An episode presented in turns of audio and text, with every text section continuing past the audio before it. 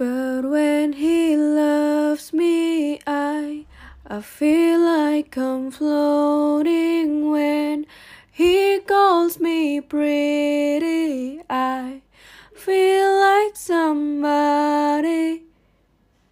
Even when we fade eventually to nothing, you will always be my favorite form of loving.